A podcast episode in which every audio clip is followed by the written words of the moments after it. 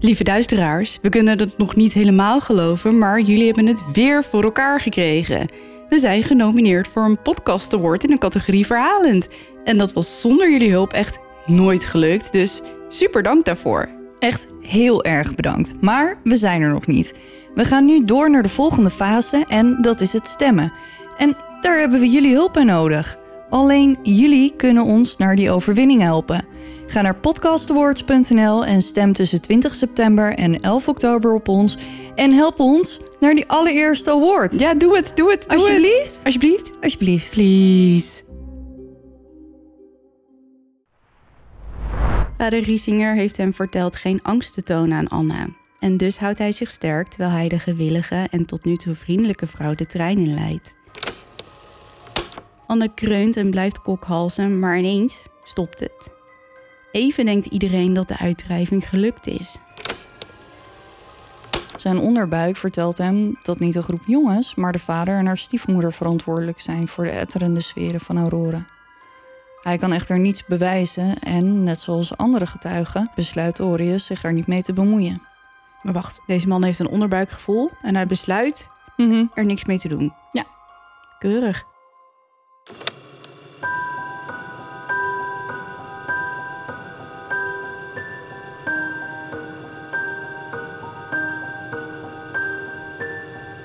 Dit is Duister. Een podcast waarin je wordt meegenomen naar het onbekende, het onbegrijpelijke. Zwarte bladzijden van de geschiedenis komen voorbij. Hier hoor je de verhalen achter moord, doodslag en onverklaarbare gebeurtenissen. We kruipen in de hoofden van een serie moordenaars, heksen, mythische wezens. Luister. En huiver naar duister. Welkom duisteraars bij aflevering 35. Hallo. We hebben heel veel nieuwe luisteraars, dus welkom iedereen. Leuk dat je luistert.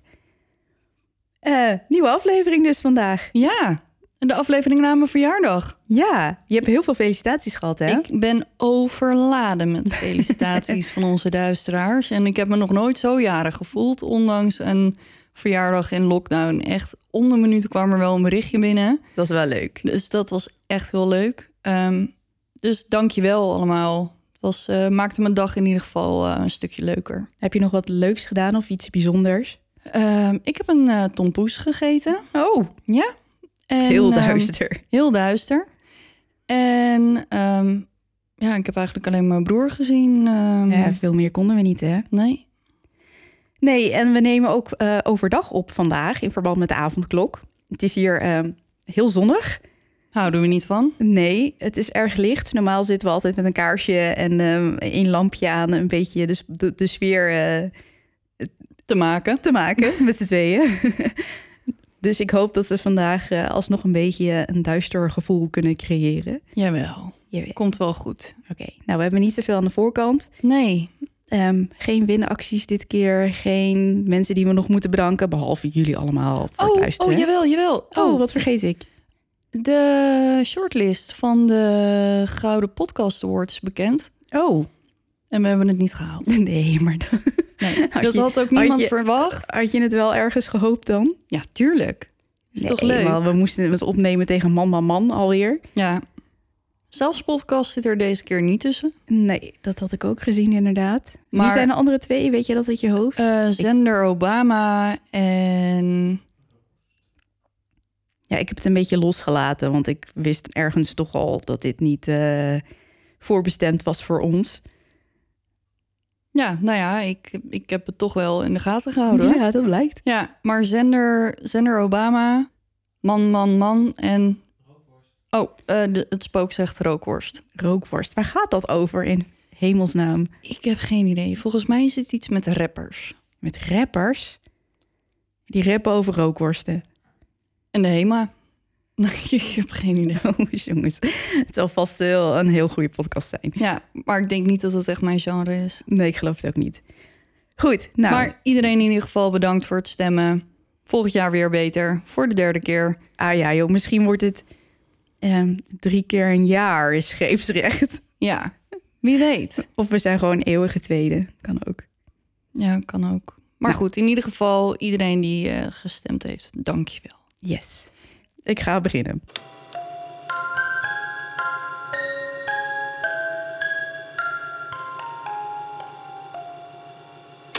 Oké, de vorige aflevering beloofde ik dat ik de volgende weer iets heel engs zou doen. Ik heb mijn best gedaan.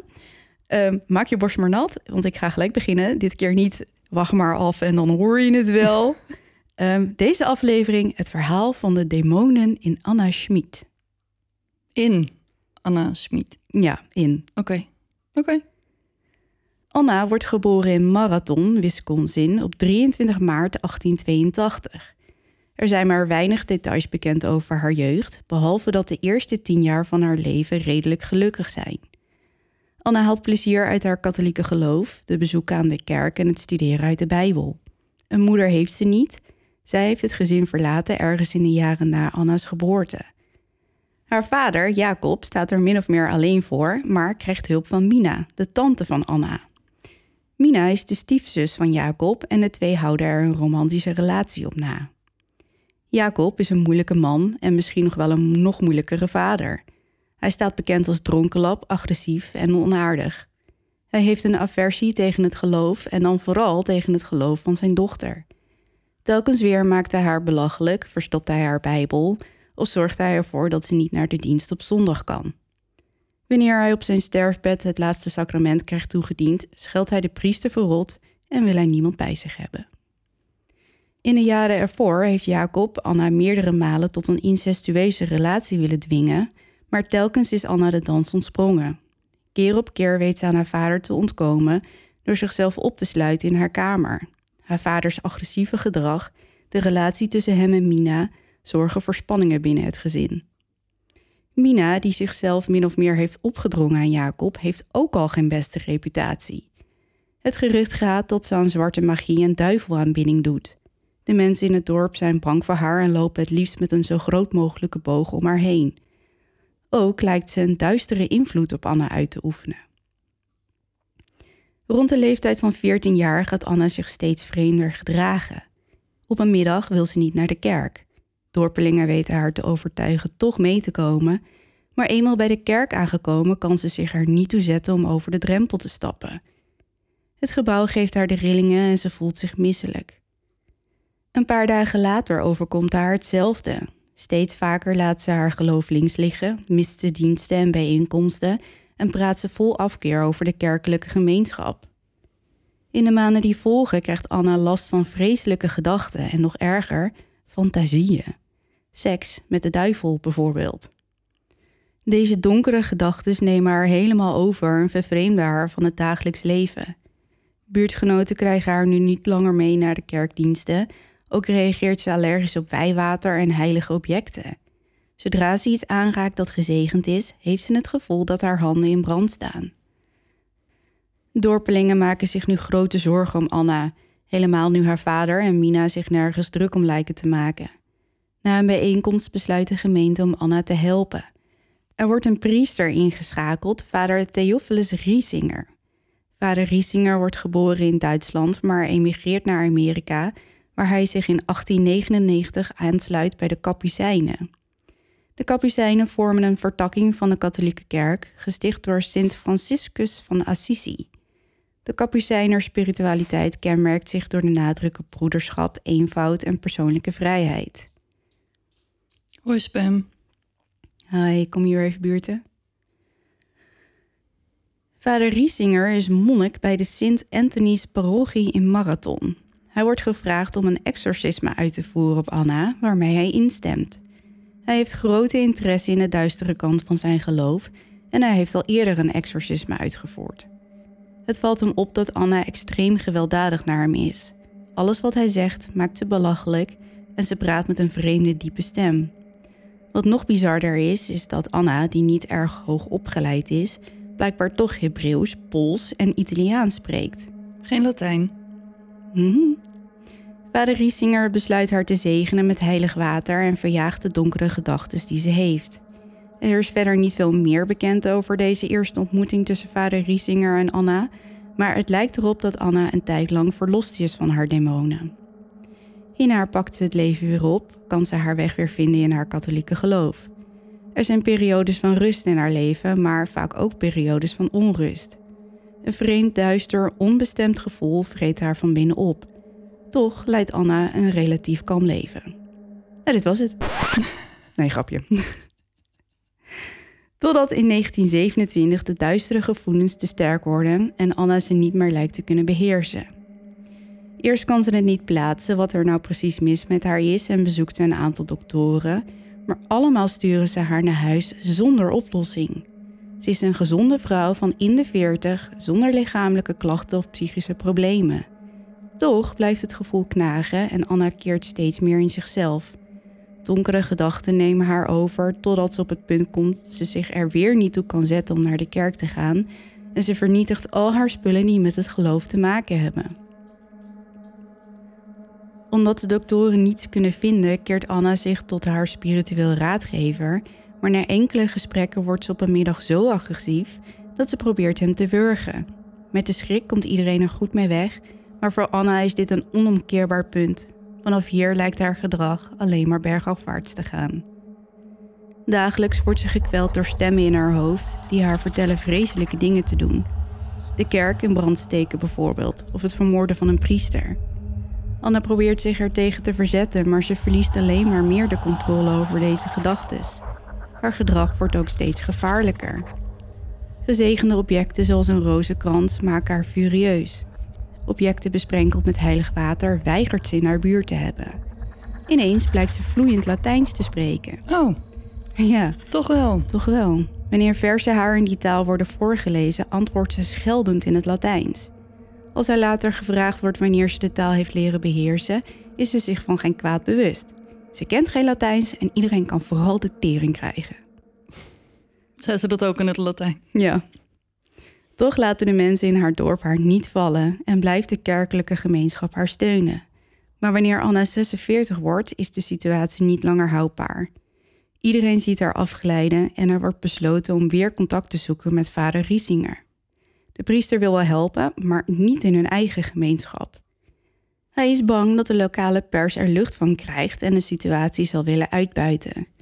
Hij besluit Anna naar Urling, een stadje verderop, te brengen, zodat hij haar daar in alle rust kan bestuderen en eventueel kan besluiten tot een uitdrijving. Na weken voorbereiding is het dan zover. Vader Riesinger heeft toestemming gekregen van de bisschop en pastoor Vader Steiger van de Sint-Jozef-parochie om het exorcisme te laten plaatsvinden. Ik zie jou, ik wist het. Ja, ja, ja. ja. En Jozef. En Jozef. Wij zijn verdoemd tot Jozefs. Ja, ik moest zo lachen, want in de groep ehm, zei er iemand... wedden dat Kimberly later als groot is met een Jozef trouwt. ja. En toen zei een ander, nee, nee, weet je wat ze doet? Ze noemt haar eerstgeborene Jozef. ja, maar denk je dat je een zoon krijgt ooit? Weet ik niet. Kan. 50% kans. Ja, je weet het niet. Goed, ehm, Anna wordt dus naar de parochie eh, de Sint-Jozef Gebracht. gebracht. Ja. Anna wordt in het diepste geheim per trein naar de parochie gebracht. Niemand weet van haar tripje. Dit vooral om Anna na de uitdrijving een kans op een normaal leven te gunnen. Op 17 augustus, in alle vroegte, begeleiden twee priesters Anna naar haar treinstation. Eén van hen is vader Steiger. Hij kent vader Riesinger goed, de twee hebben een jarenlange vriendschap. Vader Steiger is door zijn vriend gevraagd te assisteren bij de uitdrijving en hij heeft met frisse tegenzin toegezegd. Vader Steiger is als de dood voor deze duistere demonen die Anna in haar greep houden. En eigenlijk hoopte hij dat zijn vriend geen toestemming zou krijgen van de bisschop. Nu dit wel het geval is, is hij doodsbang. Vader Riesinger heeft hem verteld geen angst te tonen aan Anna. En dus houdt hij zich sterk terwijl hij de gewillige en tot nu toe vriendelijke vrouw de trein inleidt. Het is doodstil in hun wagon en het treinpersoneel is vooraf gewaarschuwd om problemen te voorkomen. De hele reis zegt Anna niets, staart ze uit het raam en beweegt niet. Het landschap vliegt aan vader neus voorbij, maar hij blijft angstvallig naar Anna kijken. Dan mindert de trein vaart en stopt met veel gesis en gestoon bij het station van Urling.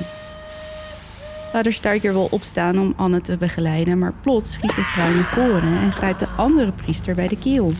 Haar handen beginnen te knijpen met een onmenselijke kracht. Vader Stuikers adem stokt en hij is verlamd van angst, letterlijk. Hij kan zich niet bewegen en hij ziet hoe zijn collega steeds minder lucht krijgt. Maar ineens in alle commotie is daar het treinpersoneel.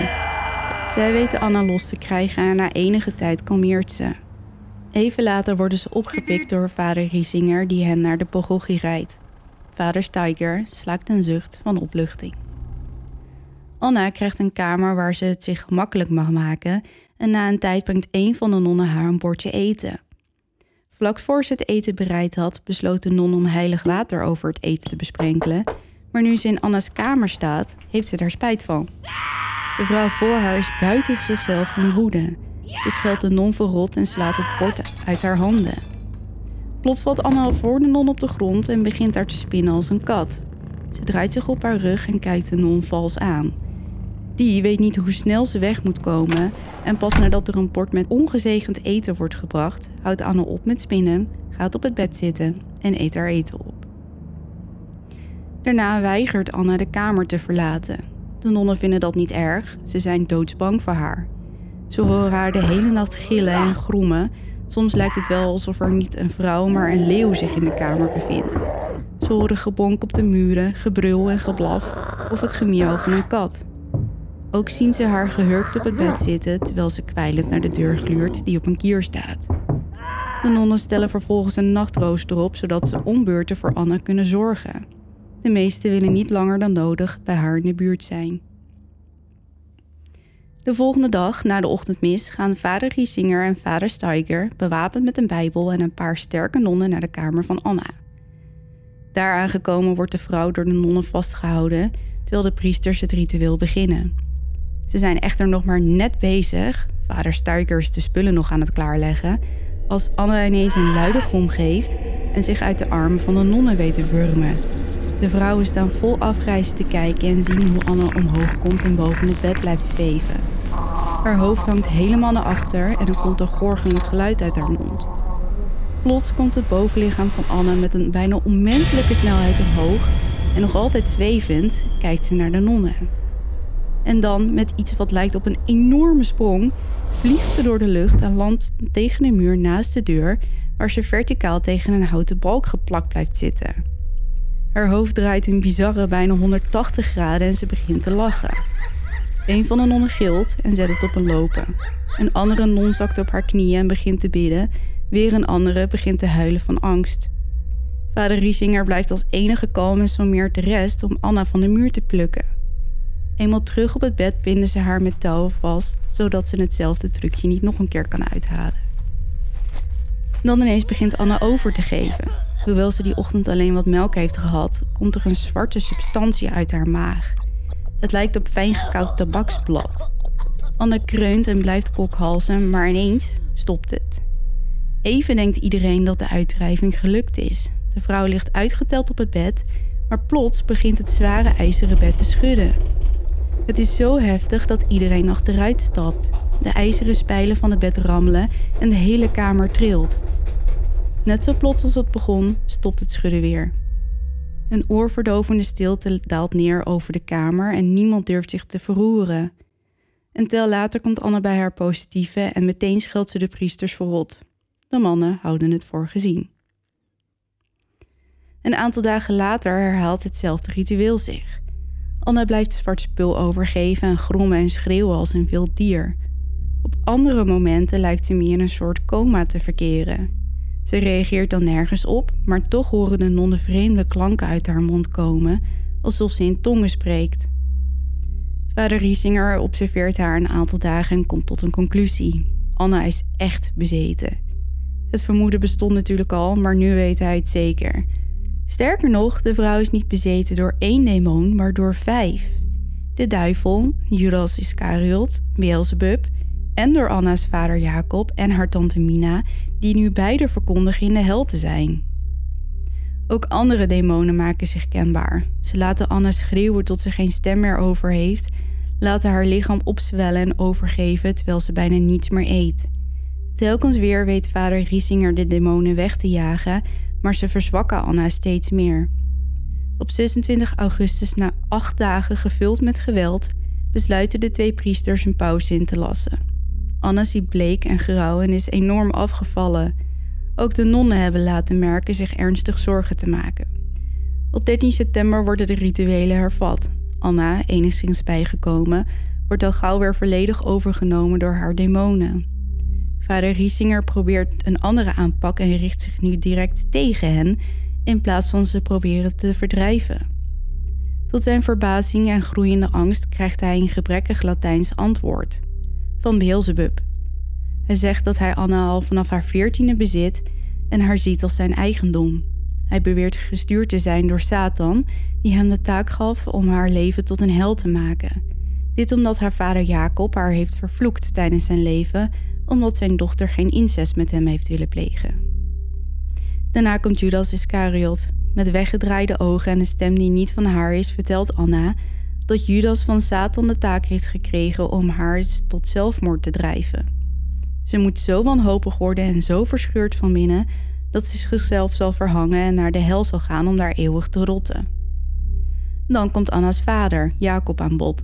Hij is verdoemd tot de hel, niet alleen omdat hij tijdens zijn leven het geloof heeft bespot, maar ook omdat hij zijn eigen dochter tot seksuele handelingen wilde dwingen.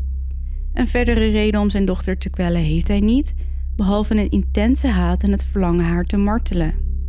Ook Mina maakt haar aanwezigheid kenbaar. Ook zij is verdoemd tot de hel, ten eerste omdat ze een relatie aanging met haar stiefbroer en ten tweede beweert ze haar kinderen te hebben vermoord. Vader Riesinger vindt het alles maar uiterst verontrustend en begint zich nu ook grote zorgen te maken om Anna. Op een ander moment, terwijl vader Riesinger het ritueel uitvoert, begint Anna's lichaam op te zwellen. De arme vrouw wordt zo groot dat de spijlen van het bed beginnen door te buigen en de nonnen zijn bang dat ze uit elkaar zal scheuren. Anna jankt en schreeuwt van de pijn. Haar lippen worden zo hard als steen, haar handen zijn zo opgezwollen dat ze niet meer herkenbaar zijn, maar niemand kan wat voor haar doen. Haar huid wordt zo rood en haar rug kromt zich in een vreemde hoek. Het bed kraakt alsof de arme vrouw 300 kilo weegt en plots gooit Anna haar hoofd naar achter en begint met een diepe vreemde toon te lachen. Het bed begint weer te schudden en de doodsbange nonnen proberen haar te kalmeren, maar Anna lacht alleen maar hysterischer. Dan kijkt ze met een ruk naar vader Steiger en lacht al haar tanden bloot. Het is een angstaanjagend gezicht. Het is duidelijk niet Anna die naar hem kijkt. Dan, met een schorre stem, geeft ze hem een bloedstollende waarschuwing. Vader Steiger is verdoemd en hij gaat dood. Wacht maar tot het vrijdag is. Vader Steiger gaat dood. Wacht maar tot het vrijdag is. Dan draaien Anna's ogen weg tot alleen het wit te zien is en raakt ze buiten westen. Vader Steiger weet niet hoe snel hij weg moet komen. En geef hem eens ongelijk. Uh, nee, ja, bedoel ik. Nee, ja, nee. Nou, nee, ik geef hem gelijk. Vader Steiger krijgt na uitvoerig overleg met zichzelf steeds meer spijt van deze hele onderneming. Voorzichtig peilt hij bij vader Riesinger hoe de zaken ervoor staan en maakt hij kenbaar te willen stoppen met de uitdrijvingen. Tot zijn verbazing wordt zijn oude vriend kwaad en beschuldigt hem ervan dat hij zich laat leiden door de duivel die een wicht tussen hen wil drijven. Dan wordt het vrijdag. Vader Steiger wordt vroeg in de ochtend opgeroepen. Hij moet assisteren bij een stervende vrouw. Blij dat hij even weg kan uit de parochie, stapt hij in de auto. Het is vroeg en het is een frisse dag. De weg is glad en vader Steiger is de waarschuwing niet vergeten. Wacht maar tot het vrijdag is.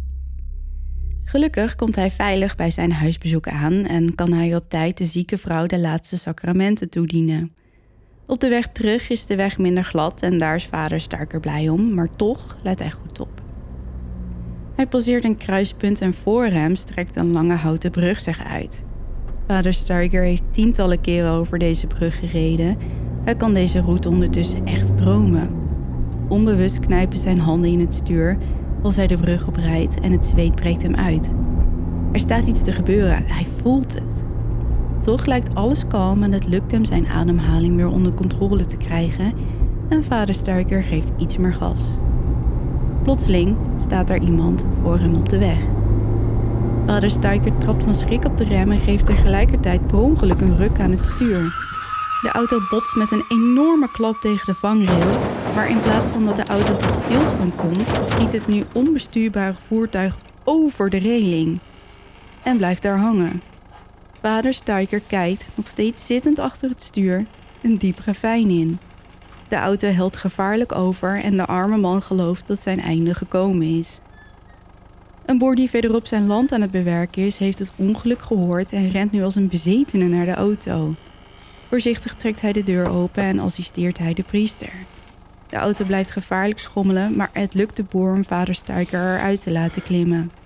Eenmaal op de grond beginnen zijn knieën zo erg te knikken dat hij op de grond zakt en daar spontaan begint te huilen. Vader Riesinger, die op dat moment in de kamer naast een slapende Anna staat, ziet ineens een schaduw op de muur weer kaatsen. Eén die niet van hemzelf is.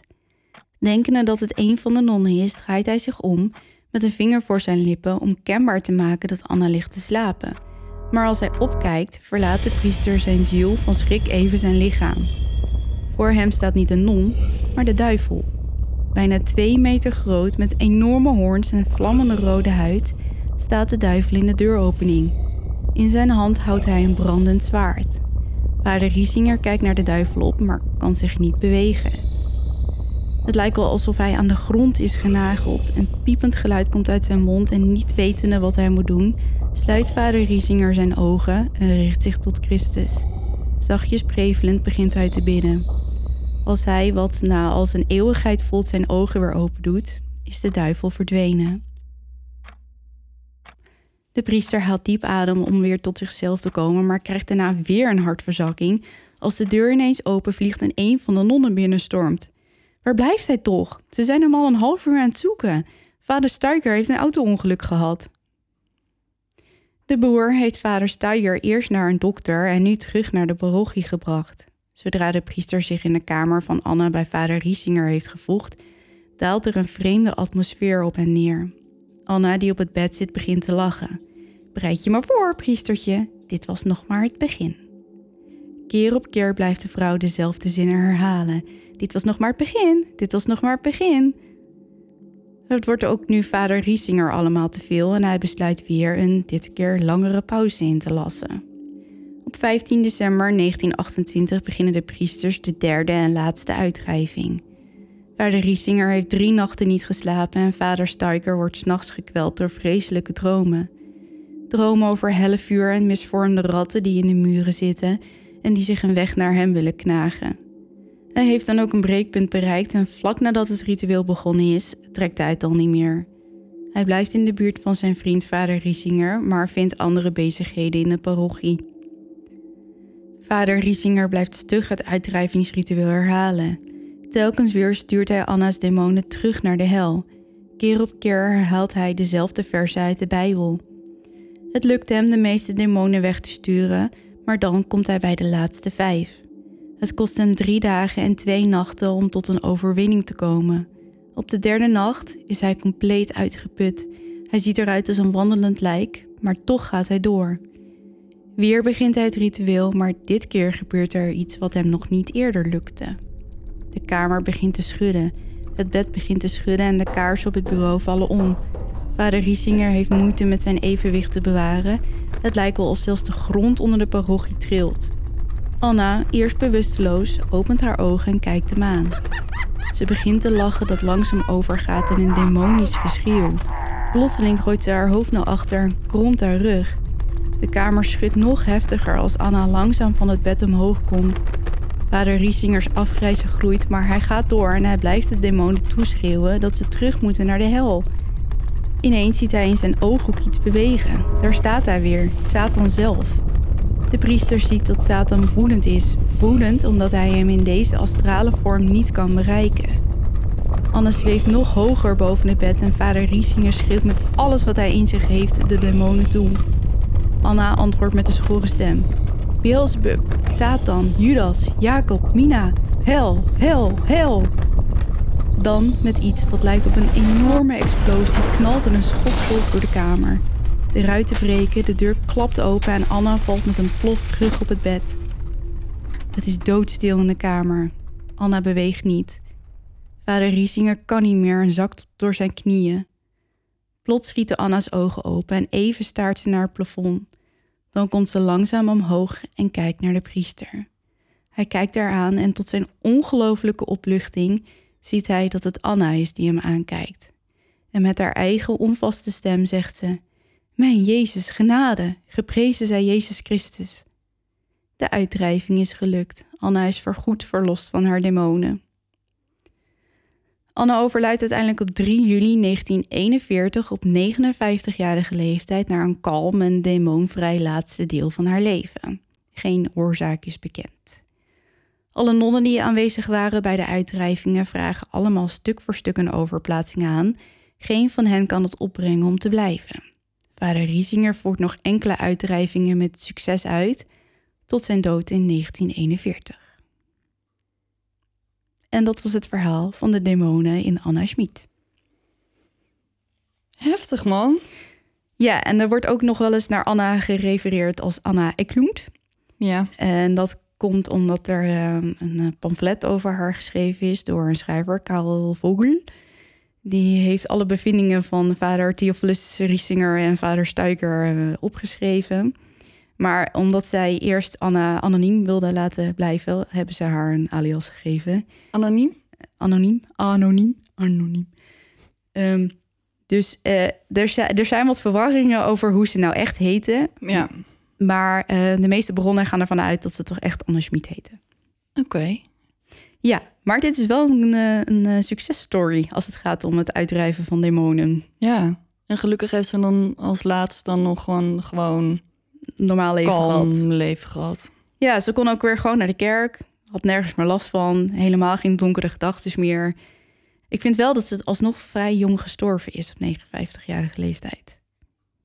Ja, maar ja, misschien is ze daarna ziek geworden. Of nee, je weet het niet. Je weet het niet. Nee. Je zal Anna maar zijn. Dan weet je toch ook niet wat je overkomt? Nee. Maar vooral dat ze dan vanaf haar veertiende blijkbaar helemaal compleet is overgenomen door Beelzebub. Ja. Ik vraag me af hoe dat werkt. Hoe voelt dat als je bezeten bent? Ik heb geen idee. Heb je dan het gevoel alsof die in je hoofd zit? Of weet je het niet? Voel je je gewoon raar? Of hoe, hoe zou dat werken? De priester was toch degene die dan zegt van... hé, hey, het is uh, Satan en uh, Judas en, en niet zij zelf. Volgens mij is het vaak dat de bezetene zelf dan niet per se weet wie, haar, wie er in haar zit. Als er überhaupt wel iemand in haar zit. Uh, nou, in dit geval kwam het inderdaad uit haar. Um, zij, zij, zelf, zij zei zelf dat er vijf in haar zaten. Ja. Maar of een van hen dat kenbaar maakte of dat Anna dat wist... Ja, ja dat, geen idee. Dat weten we natuurlijk niet. Nee. Er zijn overigens ook bronnen achteraf die zeggen dat ze misschien last had van schizofrenie. Mm -hmm. Maar um, het lijkt me dat als je dat echt hebt, dat het niet op deze manier met een uitdrijving zo verholpen kan zijn. Ik denk dat daar toch echt wel meerdere medische hulp voor nodig is. Nou ja, of nee, ja, weet ik niet. Ja, ik zeg dat wel, maar als je zo sterk gelooft, dat hebben we het wel eens vaker over gehad. Dat als je zo sterk gelooft, dat, dat het dan ook op die manier, op, op deze manier door een uitdrijving dan opgelost kan worden. Ja, ik, ik heb geen idee. Ik dacht trouwens dat ze een interne bloeding had. Een interne bloeding? Ja, omdat ze zwart overgaf. Uh, nee. Dat kan. Ja, dat kan zeker. Stel dat ze een geknapte maagsfeer had van alle stress. Dan komt dan. Ja, dat zou ja. Dan ja, je, je dus niet. bloed. Ja, dat, uh, dat zeg je wat. Bijvoorbeeld. Of als je organen ermee ophouden. Of, uh, dat, dat was mijn gedachte. nou, dat was het verhaal van Anna. Ja, dan ga ik maar beginnen. Ja. Klaar voor? Zeker.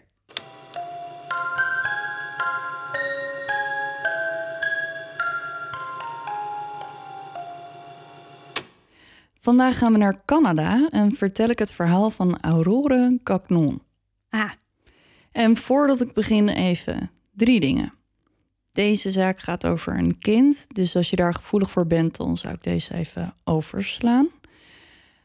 De tweede is, deze zaak speelt zich af in Franstalig Canada. En mijn Frans is vreselijk, um, dus vergeef het me als ik alle namen verkeerd uitspreek. Ik doe mijn best. En als ik ergens maar begin met het vernederlandsen van de namen, dan eh, weten jullie waarom. Want ik heb ook gewoon geen talent voor accenten. Ah. Het spijt me. Jij wel, maar jij weet niet over wie en wat ik het ga hebben. Oké. En als laatste, het spijt me. Ik doe het niet expres. En je hoort vanzelf wel waar ik het over heb. Oh. Goed, nu we dat gehad hebben, is het tijd voor het verhaal van Aurore. Marie Aurore Lucienne Gagnon is het tweede kind van Telespoor Gagnon. Hoe? Telespoor? Telespoor? Telespoor. Ik weet dat je Frans niet goed is, maar telespoor heb ik er nog nooit van gehoord. Hoe, hoe schrijf je dat? T, E Ja? met een accent Mhm. L-E, Ja? S-P, Ja? H-O-R-E. Oké, even kijken wat, eh, wat het internet hiervan vindt. Telesfor. Telespoor. dat klinkt maar Duits. Ja, het wordt er echt niet beter op. Ik hou het gewoon bij Telespoor. Oké. En, en we vinden hem niet aardig. Dus het Oh. maakt ook niet zo heel erg uit hoe we hem noemen. Nou, telespoor, zet hem op. Ja, en Telespoor is een boer, houthakker en smid. En zijn vrouw Marie-Anne Evelien Caron. Iedereen noemt haar Aurore, dus dat ga ik vanaf nu ook doen. In plaats van Marie-Aurore Lucien. Oké. Ze wordt geboren op 31 mei 1909 in Saint-Philomène de Fortervier, Quebec, Canada. Ging best soepel. Ja, het- ik heb geoefend. Goed hoor. Ze heeft een oudere zus, Marie-Jean, die net een jaar ouder is. Daarna volgden er nog een aantal kinderen. In 1910 wordt Marie Lucina geboren. In 1911 krijgt ze een broertje, George Etienne. En in 1915 volgt Joseph Telespoor. Oké. dus Telespoor junior. In die tijd lagen de begraafplaatsen vol met overleden kinderen die door verschillende soorten ziekten nooit volwassen zouden worden, maar dit leed blijft de familie Gagnon bespaard. Iedereen is gezond, de kinderen doen het goed en hun toekomst ziet er rooskleurig uit. Hun leven in het dorp gaat zijn gangetje. Het plaatsje ligt op zo'n 95 kilometer van Quebec City. De inwoners waren Frans sprekende katholieken en de familie Gagnon was geen uitzondering. Vlak na de geboorte van baby Joseph in 1915 krijgt Marianne, de moeder, last van een vervelende hoest. Als ze maar niet van die hoest afkomt, gaat ze naar een dokter om zich te laten onderzoeken. De dokter vertelt Telespoor dat zijn vrouw helaas aan TBC lijdt. Ja. En dat de kans niet heel is dat ze het overleeft. Na een tijdje is Marianne er zo slecht aan toe dat ze haar in het dorp niet meer kunnen behandelen. Dus ze moet naar een ziekenhuis. Marianne wil haar man en kinderen helemaal niet achterlaten, maar ze heeft weinig keus. Ze zal naar een asylum moeten, het Beauport Asylum in Quebec City.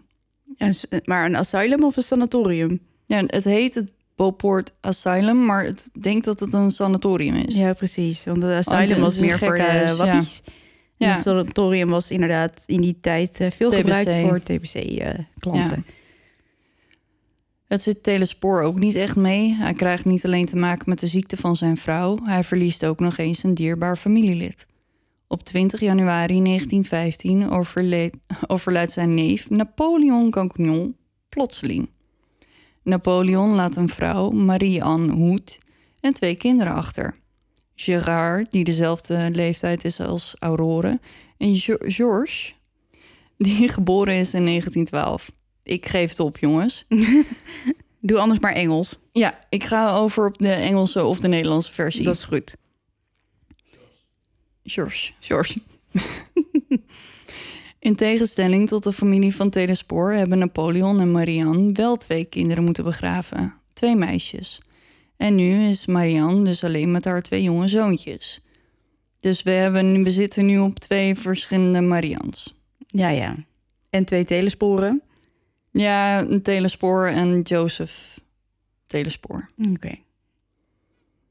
Telespoor doet zijn best het gezin draaiende te houden zonder zijn vrouw, maar hij heeft het er moeilijk mee.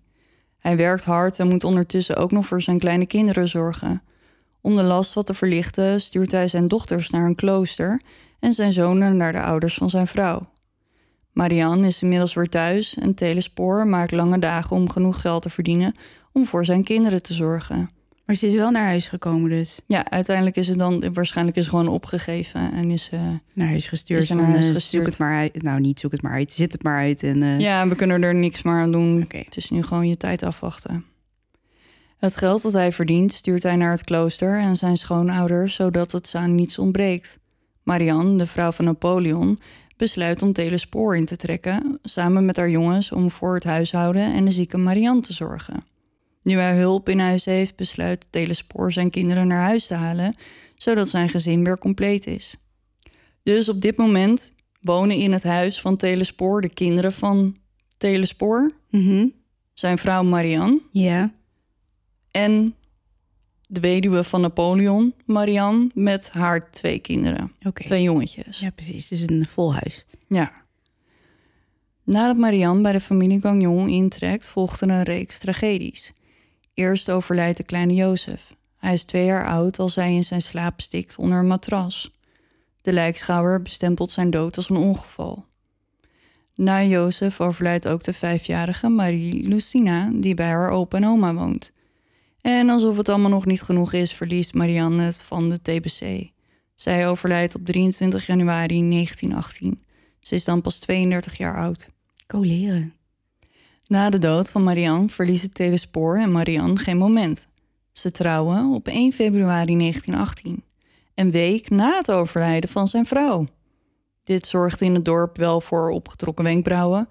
Maar ja, het was natuurlijk wel snel, maar het is geen misdaad. Maar mensen vonden er natuurlijk wel wat van. Ja.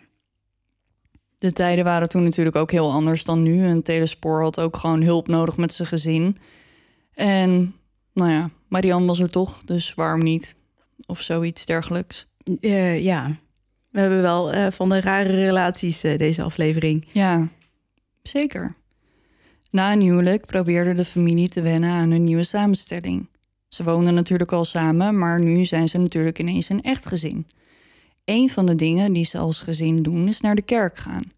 Iedere zondag waren ze te vinden in de kerk in Saint-Philomène. In mei van het jaar gaan de kinderen precies tien dagen naar school. Het werd me niet helemaal duidelijk tijdens mijn onderzoek of ze daar daarvoor nooit eerder naar school waren geweest, maar in mei gingen ze dus tien dagen. De juf van Aurora, Yvonne Saint-Onge, beschreef Aurora als een stil, intelligent en gehoorzaam meisje. Maar als je Marianne moet geloven, is het tegenovergestelde waar. Oh. De boze stiefmoeder? Zo zou je het kunnen noemen, ja. Niet lang na het huwelijk werd Aurora steeds vaker gezien met verwondingen. Eerst een paar, maar dat werden er meer en meer. Ze werden ook steeds ernstiger. In de eerste instantie had niemand een idee hoe Aurora aan die verwondingen kwam, maar dat zou wel snel duidelijk worden. De familie woont natuurlijk in een kleine gemeenschap en al snel beginnen geruchten de ronde te doen. Iedereen weet alles van elkaar en het begint de mensen op te vallen dat Aurora er steeds zo gehavend uitziet. Uiteindelijk besluit Marianne Aurora thuis te houden. En dan niet omdat ze bang was om gestraft te worden, maar wel voor de roddels die er de ronde deden. Je reputatie is uiteraard super belangrijk. Zeker. En jullie zien hem natuurlijk al aankomen, maar Marianne en ook Telespoor zijn geen lievertjes.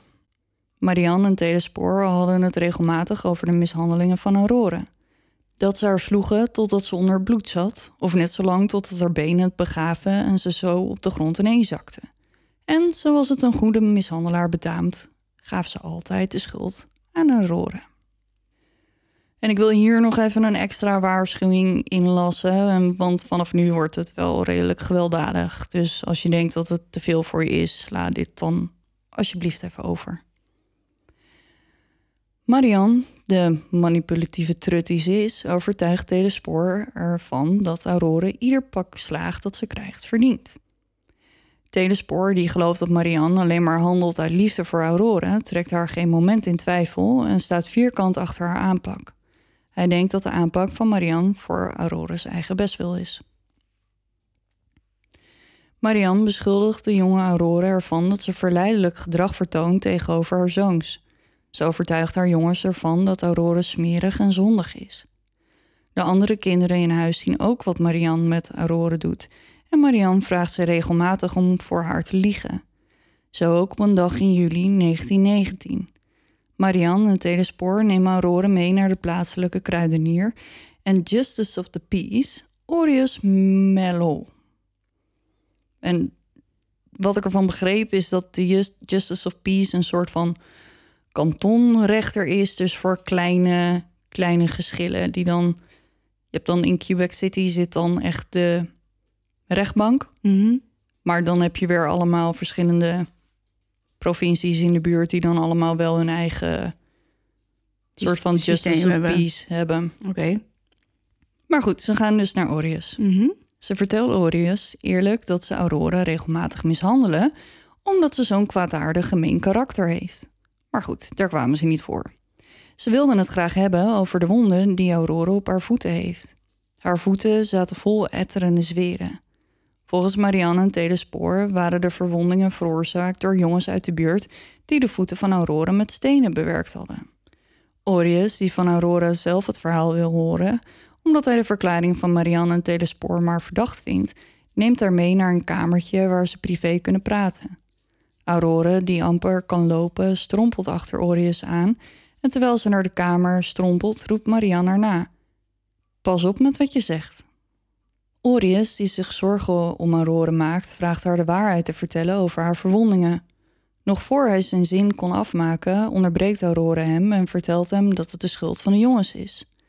De groep had stenen naar haar voeten en benen gegooid en haar in haar zij geprikt met een stok. Orius, die weet dat er tegen hem gelogen wordt, probeert het nog een keer en zegt haar dat ze alles aan hem kan vertellen, dat haar verhaal bij hem veilig is. Ondanks de pogingen van Orius blijft Aurore bij haar verhaal. Het was een groep jongens uit de buurt en niemand anders. Orius, die geen flauw idee heeft wat hij met de situatie aan moet, brengt de strompelende Aurore terug naar haar vader en stiefmoeder. Het bezoekje van de familie Gagnon staat Orius helemaal niet aan. Zijn onderbuik vertelt hem dat niet een groep jongens, maar de vader en haar stiefmoeder verantwoordelijk zijn voor de etterende sferen van Aurora. Hij kan echter niets bewijzen en, net zoals andere getuigen, want die zijn er, besluit Orius zich er niet mee te bemoeien. Het enige wat hij doet is Marianne en Telespoor adviseren medische hulp voor Aurora te zoeken, zodat haar wonden kunnen genezen en een bezoekje aan de priester van hun parochie te brengen. En dan gaan ze dus naar vader Ferdinand Massé. Maar wacht, mag ik even inbreken? Ja. Deze man heeft een onderbuikgevoel en hij besluit, hij besluit er niks mee te doen. Dat eh, klopt, Keurig. want hij wist niet wat dan. Maar ik ben nog niet helemaal klaar. Maar mag ik nog wat zeggen? Hmm, ligt daar wat? Waarom gingen deze twee eh Theo Spoor en, eh, Het wordt steeds mooier, Theo Spoor. en, en, en eh, Marianne naar Orius? ja, geen idee. Waarschijnlijk door die wonden. ehm, Zo van, kijk, ons kind is heel erg gewond, maar wij zijn het echt niet hoor. Het was een groep maar we, jongens. we mishandelen er wel, maar dit komt niet door ons. Ja, precies. Of zo. Ja, een soort van laten zien dat zij het echt niet waren, maar eh, dat hun kind vreselijk door een groep jongens mishandeld is of zo. Ja. En ze wordt wel geslagen, maar dat komt dan omdat ze het verdient. Ja, ja, oké. Lekker weer. Ja. Wat hij wel doet, is zijn zorgen uiten ehm, bij de politie in Quebec City, maar die willen geen actie ondernemen tenzij Orius een formele klacht indient tegen de familie. Maar dat wil hij niet. Nee, stel je voor. Ja. Marianne gaat naar vader Ferdinand voor advies en lucht haar hart over haar problemen met Aurora. Marianne weet het allemaal mooi te brengen en vader Ferdinand, die de familie hoofd- hoog heeft zitten, gelooft dat wat Marianne Aurora aandoet om haar te straffen weliswaar buitensporig is, maar hoog nodig om Aurora op het rechte pad te houden. Volgens hem doet Marianne wat nodig is als moeder en echte katholiek om haar kinderen op te voeden. Volgens de kerk was een stil meisje een goed meisje. Ouders dienen te zorgen voor een dak boven het hoofd van hun kinderen en hun gedrag te corrigeren indien nodig. En dat is precies hoe het er in het gezin aan toe gaat volgens de vader. Telespoor zorgt voor brood op de plank en Marianne zorgt voor het gezin, dus er kan eigenlijk niets mis zijn in dat gezin, denkt hij. De kerk schrijft echter ook voor dat ouders wel een beetje zelfdiscipline moeten hebben. De kerk zegt over de plichten van ouders, quote, door te weten hoe ze hun eigen tekortkomingen tegenover hun kinderen kunnen erkennen, zullen ouders hen beter kunnen begeleiden en corrigeren. Einde quote. Vader Ferdinand spreekt Marianne streng toe en de vader heeft zijn plicht gedaan. Tenminste, dat denkt hij. Hmm. Ja, ja. Je verwacht het niet, maar Marianne en Telespoor zoeken medische hulp voor de etterende, geïnfecteerde zweren en wonden van Aurora. Nee, dat verwacht je inderdaad niet. Nee, ze nemen haar mee naar een arts, dokter Andronic Lavon. Hij onderzoekt haar en begint direct met de behandeling. Maanden later zijn de wonden nog steeds niet genezen. Haar ouders weigeren de instructies van de dokter te volgen en doen zelf helemaal niets om de situatie van Aurora te verbeteren, dus de infectie heeft vrij spel. Op 14 september 1919 zorgt hij ervoor dat Aurora naar een ziekenhuis in Quebec City wordt gestuurd. Aurora ligt van september tot oktober in het ziekenhuis. En volgens mij ligt ze er echt bijna precies een maand, soort van. En bijna precies een maand soort van.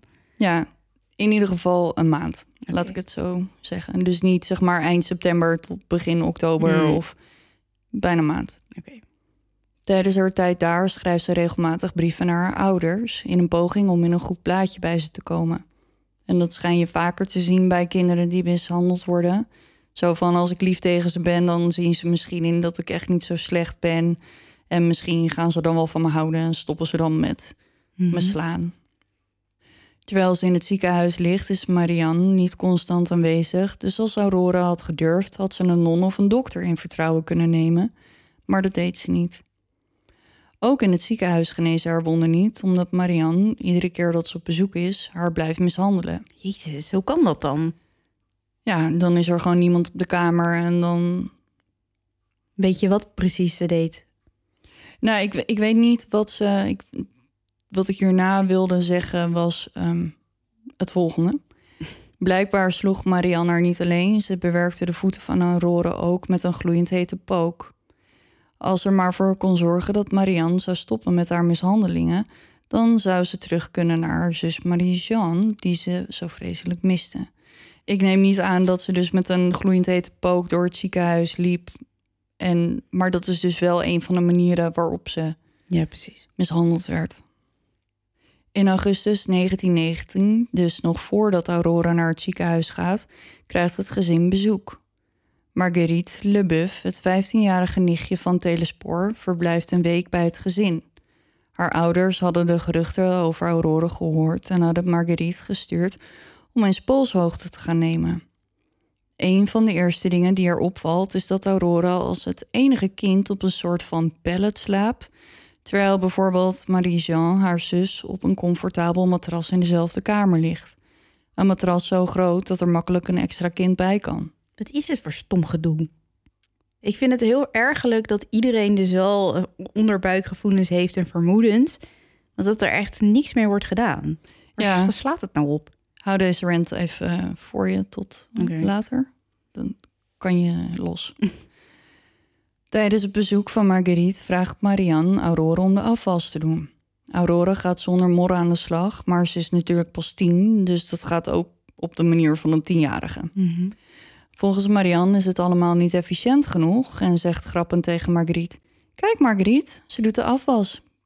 Maar dan wel prima als ik haar sla. Marianne haalt een stuk hout tevoorschijn. Ik zeg het je, ik krijg haar zo ver dat ze de afwas doet. En haalt uit met het stuk hout en raakt Aurora met al haar kracht op haar benen en achterste. Als Aurora een kreet laat horen, zegt haar stiefmoeder: Hoe meer je jankt, hoe meer slaag ik je zal geven. In januari 1919 komt Aurora's tante van haar moederskant op bezoek. En haar naam is Octavia Amel. Aurora is dan al een tijdje uit het ziekenhuis. Octavia schrikt ervan hoe erg Aurora er aan toe is. Over haar hele lijf heeft Aurora blauwe plekken en kneuzingen. Haar haar is afgeknipt tot aan haar schedel. En Telesfor zit vol met excuses. Hij vertelt Octavia dat Aurora zo ziek is omdat ze zonder schoenen buiten heeft gelopen en dat ze daarom tussen haakjes een koudje in haar voeten had opgelopen, die nu door haar hele lichaam raast. Hmm. En Marianne, die geen kans voorbij laat gaan om Aurora door het slijk te halen, vertelt haar dat Aurora een dief is, een sloerie, koppig en onzuiver. En nog een hoop meer van dat soort dingen. Als Octavia voorstelt om met Aurora naar een dokter te gaan, zegt Marianne... Waarom zou ik in godesnaam geld uitgeven aan de behandeling van het kind? Van mij kan ze doodvallen. Ik zal er geen traan om laten. De buren van Telespoor en Marianne, Arcadius Lemay en zijn vrouw Exilda... kwamen regelmatig bij ze over de vloer. Tijdens een bezoek in de zomer van 1919 klaagde Marianne tegen Exilda... dat Aurora een problematisch, obstinaat kind is om op te voeden... en dat het niet uitmaakt hoe hard ze haar aframmelt... dat kind blijft een probleem. Marianne laat Exilda het handvat van een bijl zien die ze gebruikt om Aurora af te ranselen. Exilda vertelt haar dat het vreed is om zo'n wapen te gebruiken tegen het kleine meisje. Marianne lacht en zegt: Ah joh, ze moet niet eens huilen. Exilda, nog steeds bezorgd om de kleine Aurora, zegt tegen Marianne dat als Aurora niet aan kan zonder wapen, ze haar maar beter in een klooster kan stoppen. Misschien dat de nonnen haar discipline bij kunnen brengen. Er verstrijkt een tijd en in de herfst ziet Exilda de kinderen van de familie Cognon buiten spelen. Aurora ziet ze alleen steeds minder, tot ze haar helemaal niet meer op straat ziet. Ik denk dat ze misschien ook even gemist heeft dat Aurora een tijdje in het ziekenhuis lag, maar toch. Dus. Mhm. Hoi Spam. Maar goed, Exilda maakt zich zorgen. Oké. Arcadius, haar man, vindt het maar niet dat ze zich met de zaken van de buren bemoeit, maar moedigt haar wel aan om bij de buren langs te gaan om haar geweten te sussen. Voordat ze langs kan gaan, komt Marianne bij hen op bezoek. Aurore is dan terug uit het ziekenhuis en als Exilda naar Aurore vraagt, zegt Marianne: Ik zou willen dat ze gewoon dood zou gaan en niemand zich haar nog kon herinneren. En inmiddels is het februari. 9 februari om precies te Ah. zijn. Dat is Daphne's verjaardag. Zeker. Maar goed, 9 februari en Exilda heeft Aurora nog steeds iets gezien. Ze besluit om langs te gaan om te kijken hoe het met het meisje is en ze neemt haar kleindochter mee. Als Exilda bij het huis aankomt, vindt ze Marianne, Marie-Jeanne, Georges, Gerard, Henry George, George en een nieuwe baby, Marie Pauline. Een nieuwe baby ook echt. Ja, en die hebben ze er nog even bij eh, gekregen. Tuurlijk. En Telespoor die was er niet, want die was werken. Maar geen Aurora. Nee, niet hier in ieder geval. Marianne legt uit dat Aurore zich niet lekker voelt en boven ligt te rusten. Als de twee vrouwen in gesprek zijn, weet het kleinkind van Exilda zich uit de voeten te maken en beklimt de trap naar boven. Ik weet niet precies hoe oud dit meisje is, maar een artikel dat ik las had het over waggelde de trap op. Dus ik ga ervan uit dat het een, Een klein peuter een misschien. peuter, of in ieder geval iets kleins is. Een dreumesje. Ja. En als ze boven is geweest en weer beneden komt, ehm, vraagt ze haar oma of ze niet even bij het kleine meisje boven wil komen kijken. Marianne ziet de buil hangen en legt nerveus uit dat het meisje dat boven ligt onder de zweren zit omdat ze een huidaandoening heeft. Ze zegt tegen Exilda dat ze liever heeft dat haar kleinkind bij Aurora uit de buurt blijft, voor het geval Aurora's aandoening besmettelijk is. Gelukkig is Exilda niet helemaal achterlijk en ze walst langs Marianne heen om bij Aurora te gaan kijken. Als ze in de kamer aankomt, ziet ze dat de vloer van de kamer bezaaid is met stro en overal liggen gebroken planken. In een hoekje vindt ze Aurora, die op een klein wollen dekentje ligt te slapen in een smerige, dunne nachtjapon. Aurora wordt gewekt door de geluiden in haar kamer en ze richt zich op haar ellebogen op en zegt dat haar knieën zeer doen. Exilda probeert haar een beetje te troosten en zegt: Arm klein meisje, wat een hoopje ellende ben je.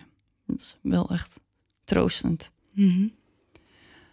Als Exilda haar eens goed bekijkt, ziet ze dat Aurora's handen opgezwollen zijn en haar vingers wijzen allemaal een andere kant uit. Haar benen zitten onder de zwarte vlekken. Ook ziet ze, zoals Octavia al eerder op was gevallen, dat het mooie lange haar van Aurora verdwenen is. Haar schedel, die onder de bulten, gedroogd bloed en blauwe plekken zit, is te zien. Aurora kon haar ogen bijna niet open doen. Zo opgezwollen waren ze. Exilda schrikt van de aanblik van het meisje en zegt tegen Marianne dat Aurora zal overlijden als ze niet snel een dokter ziet. Maar, hoe verrassend, Marianne ziet daar de noodzaak niet echt van in. Ze belooft Exilda dat ze wel iets van een zalfje zal gaan halen als Telespoor dat aan haar vraagt. Dat kind is van mijn man, niet van mij, gromde ze. Als hij wil dat ze behandeld wordt, dan moet hij dat doen. Als hij me medicijnen brengt, dan geef ik die aan haar. Er kwamen natuurlijk nooit medicijnen. Zelfs niet een zalfje. Om donderdag 12 februari krijgt Exilda s'avonds een telefoontje van Marianne. Het gaat slecht met Aurora. Of ze langs wil komen om te helpen. Exilda haast zich naar de buren en vindt Aurora op dezelfde plek in het hoekje van de kamer. Nog steeds in dezelfde vuile nachtjapon. Ze was nog in leven, ze haalde oppervlakkig adem, maar ze kreeg haar niet meer bij kennis. Al snel realiseert ze zich dat waar ze zo bang voor was en waar Marianne voor gewaarschuwd heeft, Aurora gaat dit niet overleven. Ze heeft duidelijk geen medische hulp gehad en haar kleine lijfje is aan het opgeven. Exilda draagt Marianne op om de priester te bellen, zodat die Aurora nog de laatste sacramenten kan toedienen. Marianne weigert. Haar haat voor Aurora zit zo diep dat ze haar zelfs dit nog wil ontzeggen. Verrassend genoeg heeft ze wel een dokter gebeld. Maar is wel een beetje te laat, vriend. Exilda belt uiteindelijk zelf de priester maar. De priester belt vervolgens Orius en vraagt hem om een lift. Orius haalt vader Ferdinand op en een kwartier later zijn ze bij het huis van de familie Cognon.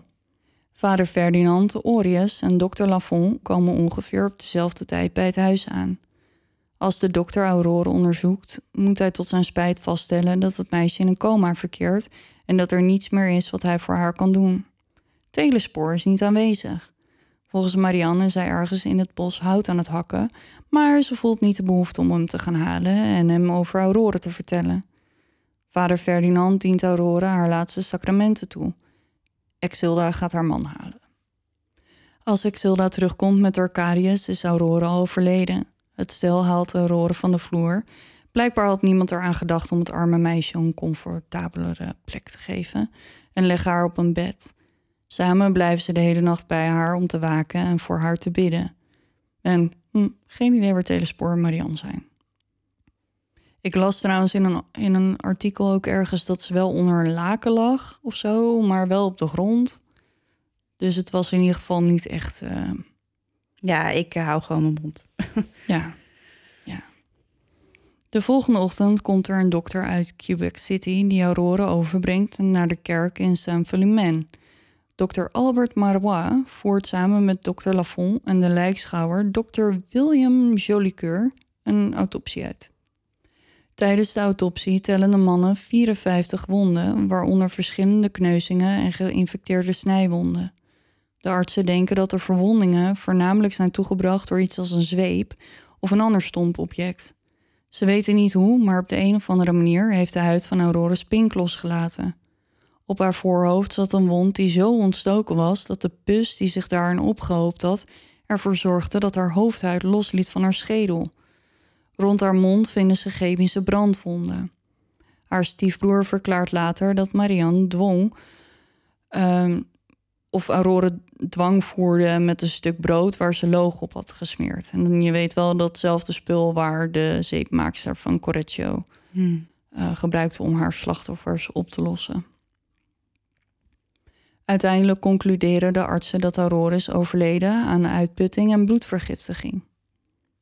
Op 14 februari wordt Aurore begraven op de begraafplaats van het dorp. Na de dienst worden Telespoor en Marianne gelijk gearresteerd en opgesloten in de gevangenis van Quebec om een rechtszaak af te wachten. Als agenten aankomen bij het huis om ze mee te nemen, krijgen ze van Marie-Jean, de zus van Aurore, en Gérard, haar stiefbroer, een aantal wapens die gebruikt zijn om Aurore te martelen. Op 16 februari verschijnen Marianne en Telespoor voor rechter Philippe Auguste Choquet en ze worden beschuldigd van de moord op Aurore. Ze werden bijgestaan door advocaten Joseph Napoleon Francoeur en Marc-Aurèle Lemieux. Jozef. Jozef, dat is al de tweede of de derde in dit verhaal en jij had er ook één. Dus vandaar dat ik van tevoren alvast mijn excuses heb aangeboden. um, want ik zag het alweer aankomen. er zei laatst ook iemand... Volgens mij google jij gewoon... Verhalen met die... Verhalen, moord en Jozef. En dan die verhalen doe je dan. Ja. En toen zei er nog iemand anders... Maar jongens, Joe Biden is ook een Joseph. Dus laten we hopen dat we daar niet binnenkort een misdaadverhaal over krijgen. Oh nee joh. Ik ben overigens zo blij dat deze meneer president is geworden. Maar dat ik ook. Geheel terzijde. Ja, we gaan terug naar eh Jozef. Ja. Napoleon Francoeur. En Marc Carrel Lemieux. Dat was best heel erg Frans, eh, mevrouw. Ja, maar, maar dit gaat beter dan eh Telespoor. Theo Spoor. Bijvoorbeeld, ja. Uiteraard pleiten ze alle twee onschuldig. Want stel je voor dat je verantwoording zou nemen voor je daden of zo. Volgens Ja. hen is ze overleden aan bloedvergiftiging en uitputting, zoals in het autopsierapport staat, en niet door mishandeling.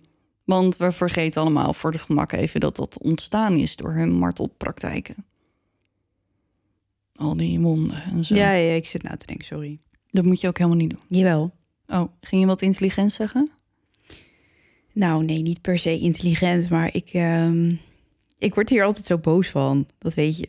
Ja, je zegt het iedere aflevering altijd wel een keer. Terwijl ze wachten op een proces worden ze alle twee vastgehouden. De rechtszaak van Marianne vindt plaats tussen 13 en 21 april 1920. Ze verschijnt voor rechter Louis-Philippe Pelletier. Haar advocaat ziet het niet gebeuren dat Marianne wordt vrijgesproken. Helemaal niet na de getuigenissen van Exilda, Marguerite en Marie-Jeanne. Zijn enige hoop is het op ontoerekeningsvatbaarheid gooien. Tuurlijk. En dan wel om de volgende reden.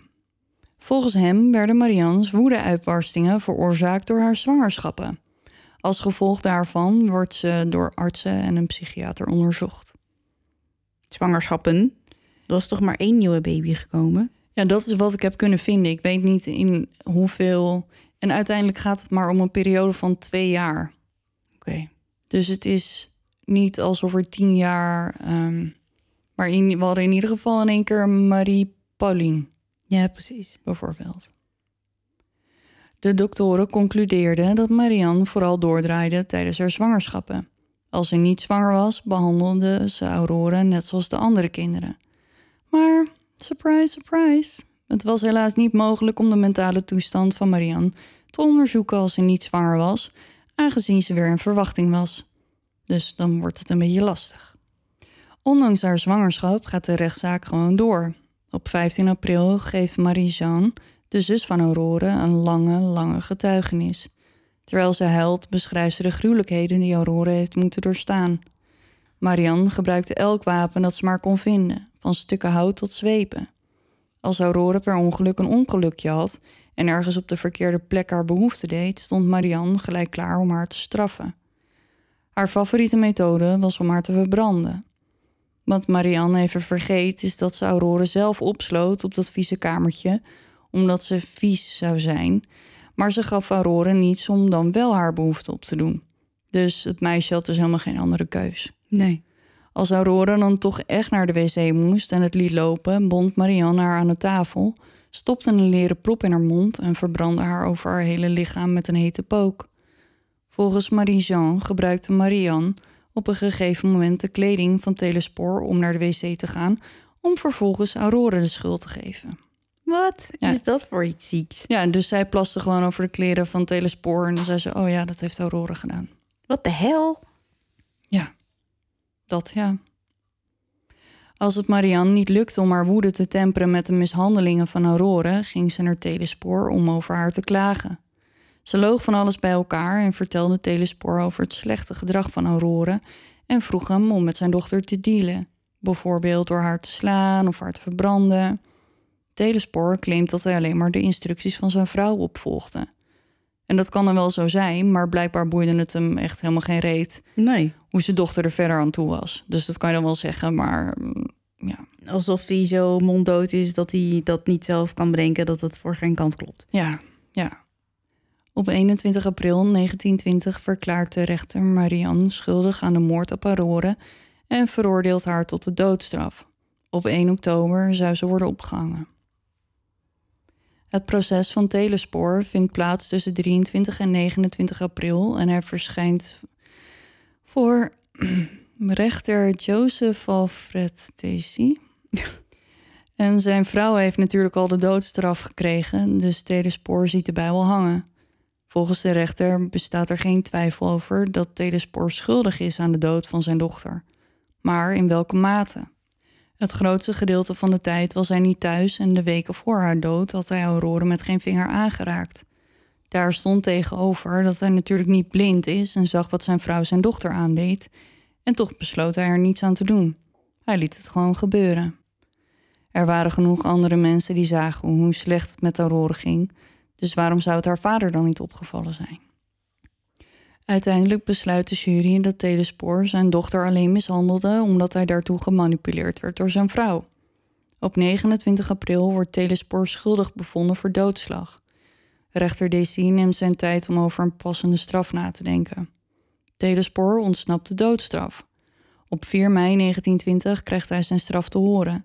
Hij krijgt levenslang en hij gaat naar de Saint-Vincent de Paul gevangenis in Laval. In 1925 wordt hij vrijgelaten omdat hij een tumor in zijn keel heeft. En aangezien ze denken dat hij er toch dood aan gaat, laten ze hem maar lopen. Of ze laten hem vrij wegens goed gedrag. Dat werd me niet helemaal duidelijk in me. Kan een van de twee zijn. Ja, ja. Maar anyway, hij heeft dus vijf jaar gezeten. En verrassing, Telespoor gaat helemaal niet dood. Nee. Hij hertrouwt in 1938 en overlijdt uiteindelijk pas als hij 78 is. Ja, ja. Ja. Op 8 juli 1920 bevalt Marianne in de gevangenis. Niet van één baby, maar van twee baby's. Oh, tuurlijk. Ja, ze noemt de tweeling Jeanne d'Arc en Roche Jean Gagnon. Zodra het nieuws van haar bevalling naar buiten komt, duikt de media er bovenop en ze beschrijven Marie als een liefdevolle en zorgzame moeder voor haar tweeling. En blijkbaar zijn er hoop mensen op slag vergeten wat voor vreselijk monster dat mens is en ze beginnen groepen te vormen die lobbyen om de doodstraf ongedaan te maken. Deze- Waarom? ja, omdat ze denken dat ze verkeerd veroordeeld is en dat ze de doodstraf niet verdient. En nu heeft ze een baby of twee baby's en daar zorgt ze heel erg goed voor. Ja, dus? Ja, geen idee. Maar wat het ook is, die groepen die bestaan voornamelijk uit Engels sprekende Canadezen. Maar het overgrote deel van de Frans sprekende Canadezen, dus daar waar ze vandaan komen. En dus ook rechter Pelletier, die waren gewoon valikant tegen. Die wilden gewoon dat ze de doodstraf zou krijgen. Dus het is heel gek dat Engels sprekende Canadezen, die vonden er wat van. Terwijl de Frans-Canadezen uit hun regio, zeg maar, gewoon zeiden van hang dat mens maar op. Ja. Nou, ik ben het met ze eens. Ik ook. Uit een brief van de Canadian Prisoners Welfare Association, gedateerd op 7 augustus 1920, blijkt dat ze zich zorgen maakten om de tweeling. Die zouden opgroeien wetende dat hun moeder zou omkomen op het schavot. Ze claimde ook dat, omdat geweld van een man tegen een vrouw een misdaad was, de rechtbank haar niet kon op laten hangen omdat de bil een man was. Want dat zou dan een misdaad zijn. Marianne mocht de tweeling bij zich houden tot ze ze geen borstvoeding meer gaf. En, hoe verrassend, ze liet ze dopen. Terwijl ze wel Aurore haar laatste recht had willen ontzeggen. De tweeling kreeg zelfs twee peetouders, twee medewerkers van een gevangenis. Jezus. Ja. Op de een of andere manier lukte het de Canadian Prisoners Welfare Association om Marianne de doodstraf te besparen. Een paar dagen voordat ze eindelijk opgehangen zou worden, werd haar straf omgezet naar levenslang in de Kingston Women's Prison. Ze blijft daar tot 3 juli 1935 tot de rechter haar vrijlaat, omdat ze kanker heeft. Het arme mens. Nou. Ze gaat bij haar zus in Montreal wonen en helaas heeft ze niet zoveel mazzel als haar man Telespoor. Na een lang, pijnlijk gevecht overlijdt ze. Op 12 mei 1936 wordt ze begraven in Montreal. Ze was 46 jaar oud. Nu, decennia later, wordt het verhaal van Aurore nog steeds gebruikt als een waarschuwing. Het komt voor dat Canadese ouders tegen hun kinderen zeggen dat ze zich niet zo moeten gedragen als Aurore. Een jaar na haar overlijden verschijnt er een toneelstuk genaamd Aurore, L'Enfant Martyr, op de plank in Montreal. En dat betekent zoiets als de kleine martelaar. Het stuk is geschreven door Léon Petitjean en Henri Rolling. Het stuk diende als een moraalstuk om weduwen te waarschuwen voor de gevaren van een haastig huwelijk. En je gelooft het niet, maar na zijn vrijlating gaan Telespoor naar het stuk kijken. Waarom? Dat weet ik ook niet. Kijken of het allemaal eh, klopt wat er eh, geschreven wordt. Eh, dus- Ja. En in 1951 of 1952 is er een film over uitgekomen. En de familie van Telespoor heeft toen nog eh, geprobeerd om dat tegen te houden, maar dat ging niet door. En dat was het verhaal van Aurora. Oké. Ja, en wat mij het meeste dwars zit, is uiteraard ter ouders. Maar wat jij net ook al zei, iedereen ziet het gebeuren en niemand doet iets. Dus wie is er dan, weet je, zijn dan alleen Telespoor Marianne schuldig?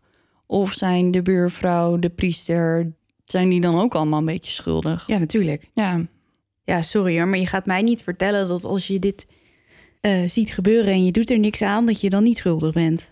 Ik bedoel, ik ben en twee- zoveel mensen ook. Ja, ik weet dat hormonen wel gekke dingen met je kunnen doen als je zwanger bent, maar dit is echt absurd. Ja, ik kon dus ook nergens vinden waarom, waarom Aurora. Ja, Waarom niet de zus of de broertje of geen idee waarom zij degene was die doelwit werd. ja, ik weet het niet. Soms denk ik wel eens dat zoiets dan ontstaat, dat, dat ze misschien ooit een keer geslagen heeft en dat het daarna nog een keer gebeurde en misschien nog een keer en nog een keer en dat het die eerste paar keren niet eens echt een haat was, maar omdat het zo gebeurde dat, het, dat, dat Marianne op een gegeven moment ook niet meer eruit kon stappen. Ja, Dat je denkt dat alle focus ging naar dat meisje. En al het andere, het werd een soort van tunnelvisie, denk ik. ja, Want je kan natuurlijk niet als je een kind al. Nou, dat kan natuurlijk wel. Maar goed, stel je dat je een kind al maandenlang mishandelt. Dat je dat dan stopt. En dat je dan richt op een ander kind. Zij was nou eenmaal het pispaaltje geworden. ja, maar je ziet, er zijn natuurlijk ook gewoon gezinnen waar alle kinderen net zo erg mishandeld worden. Ja, maar ik heb het nu heel Ja, voor dit specifieke geval Ja, ja, ja. natuurlijk. Ja, ik heb er geen verstand van. Ik, ook heb niet. geen idee. Ik weet wel dat het vreselijk is. En dat het kleine meisje eh, eerst de moeder moet verliezen. En dan krijg je er zo een heks voor in de plaats. Als je een beetje rationeel over nadenkt, dan eh, komen er wel allemaal dingen in me op die ik zou willen zeggen. Maar eh, Ja, nee, laten we dat maar niet doen. Ik ga nog even mijn excuses aanbieden voor mijn Frans. gewoon nog een keer. En voor alle Jozefs. En ik kan gewoon niet beloven dat er in de volgende geen Jozef zit. nee. Want ik denk, ik zou eigenlijk eens een keer moeten tellen hoeveel Jozefs ik al gehad heb in die 35 Nee. afleveringen. Nee, want dat zei ik de vorige aflevering al. Als we nou ooit een keer een soort van quiz organiseren of zo, Oh ja. dan is er één vraag. Hoeveel Jozefs hebben we al gehad? Ja. Ja, dat is wel een goeie. Toch? Ja. Dus niet, niet tellen. Oké, oké. Ja, maar ik, nee, oké. Nee, ga ik niet doen. nee, precies. Nou, zal ik dan maar even een rondje socials doen om dit eh, af te ronden? Eh, ja, doe maar. Instagram, het Duistere Podcast. Facebook, facebook.com slash Duistere Podcast. Daar vind je onder het kopje groepen onze groep De Duisterclub. Mhm. Daar mag je in als je de regels accepteert. En anders niet. Nou zeg, Nee, nou ja, zo is het toch. je bent ook een boze stiefmoeder geworden. Ja, We geloven heus wel dat de meeste mensen die de regels niet accepteren, dat niet bedoelen om vervolgens te gerellen in de club. maar je snapt het. ehm, die regels die zijn er zodat iedereen elkaar blijft respecteren. En eh, dat doet iedereen gelukkig ook. Ja, En, het is het is er ook echt heel gezellig. Ja, Echt precies. wel leuk. Dus, Dus kom, kom vooral. Ja, Ja, dat meld dus. je aan Ja, en doe even accepteren. ja, dat dus. Ja. Dus. Dan hebben we nog YouTube. Oh, je gaat nog even door. Ja, ik was nog niet klaar. Dat is eh Duistere Podcast. En daar kan je ons eh, horen, maar niet zien. Ehm, dan hebben we nog eh duisterepodcast.nl voor al onze bronnen en foto's. Nou, bedankt. Je vergeet er één, namelijk dat je ons nog altijd kunt berichten via het infoformulier op de website. Ja. Eh, met persoonlijke opmerkingen, vragen, ehm, nou ja, alles Oh, wat je ons kwijt wil. Ja, en als je een verhaal hebt, dan kan je altijd een mailtje sturen naar mijnverhaal.duisterepodcast.nl. Yes. Goed, we zijn er doorheen, jongens. Bedankt voor het luisteren. Ehm slaap lekker allemaal als je hem vanavond eh, hebt geluisterd. En anders, eh Goedemorgen. goedemorgen. en eh, tot over twee weken, jongens. En onthoud, Blijf in het licht, Want je weet nooit wat er in het duister op je wacht.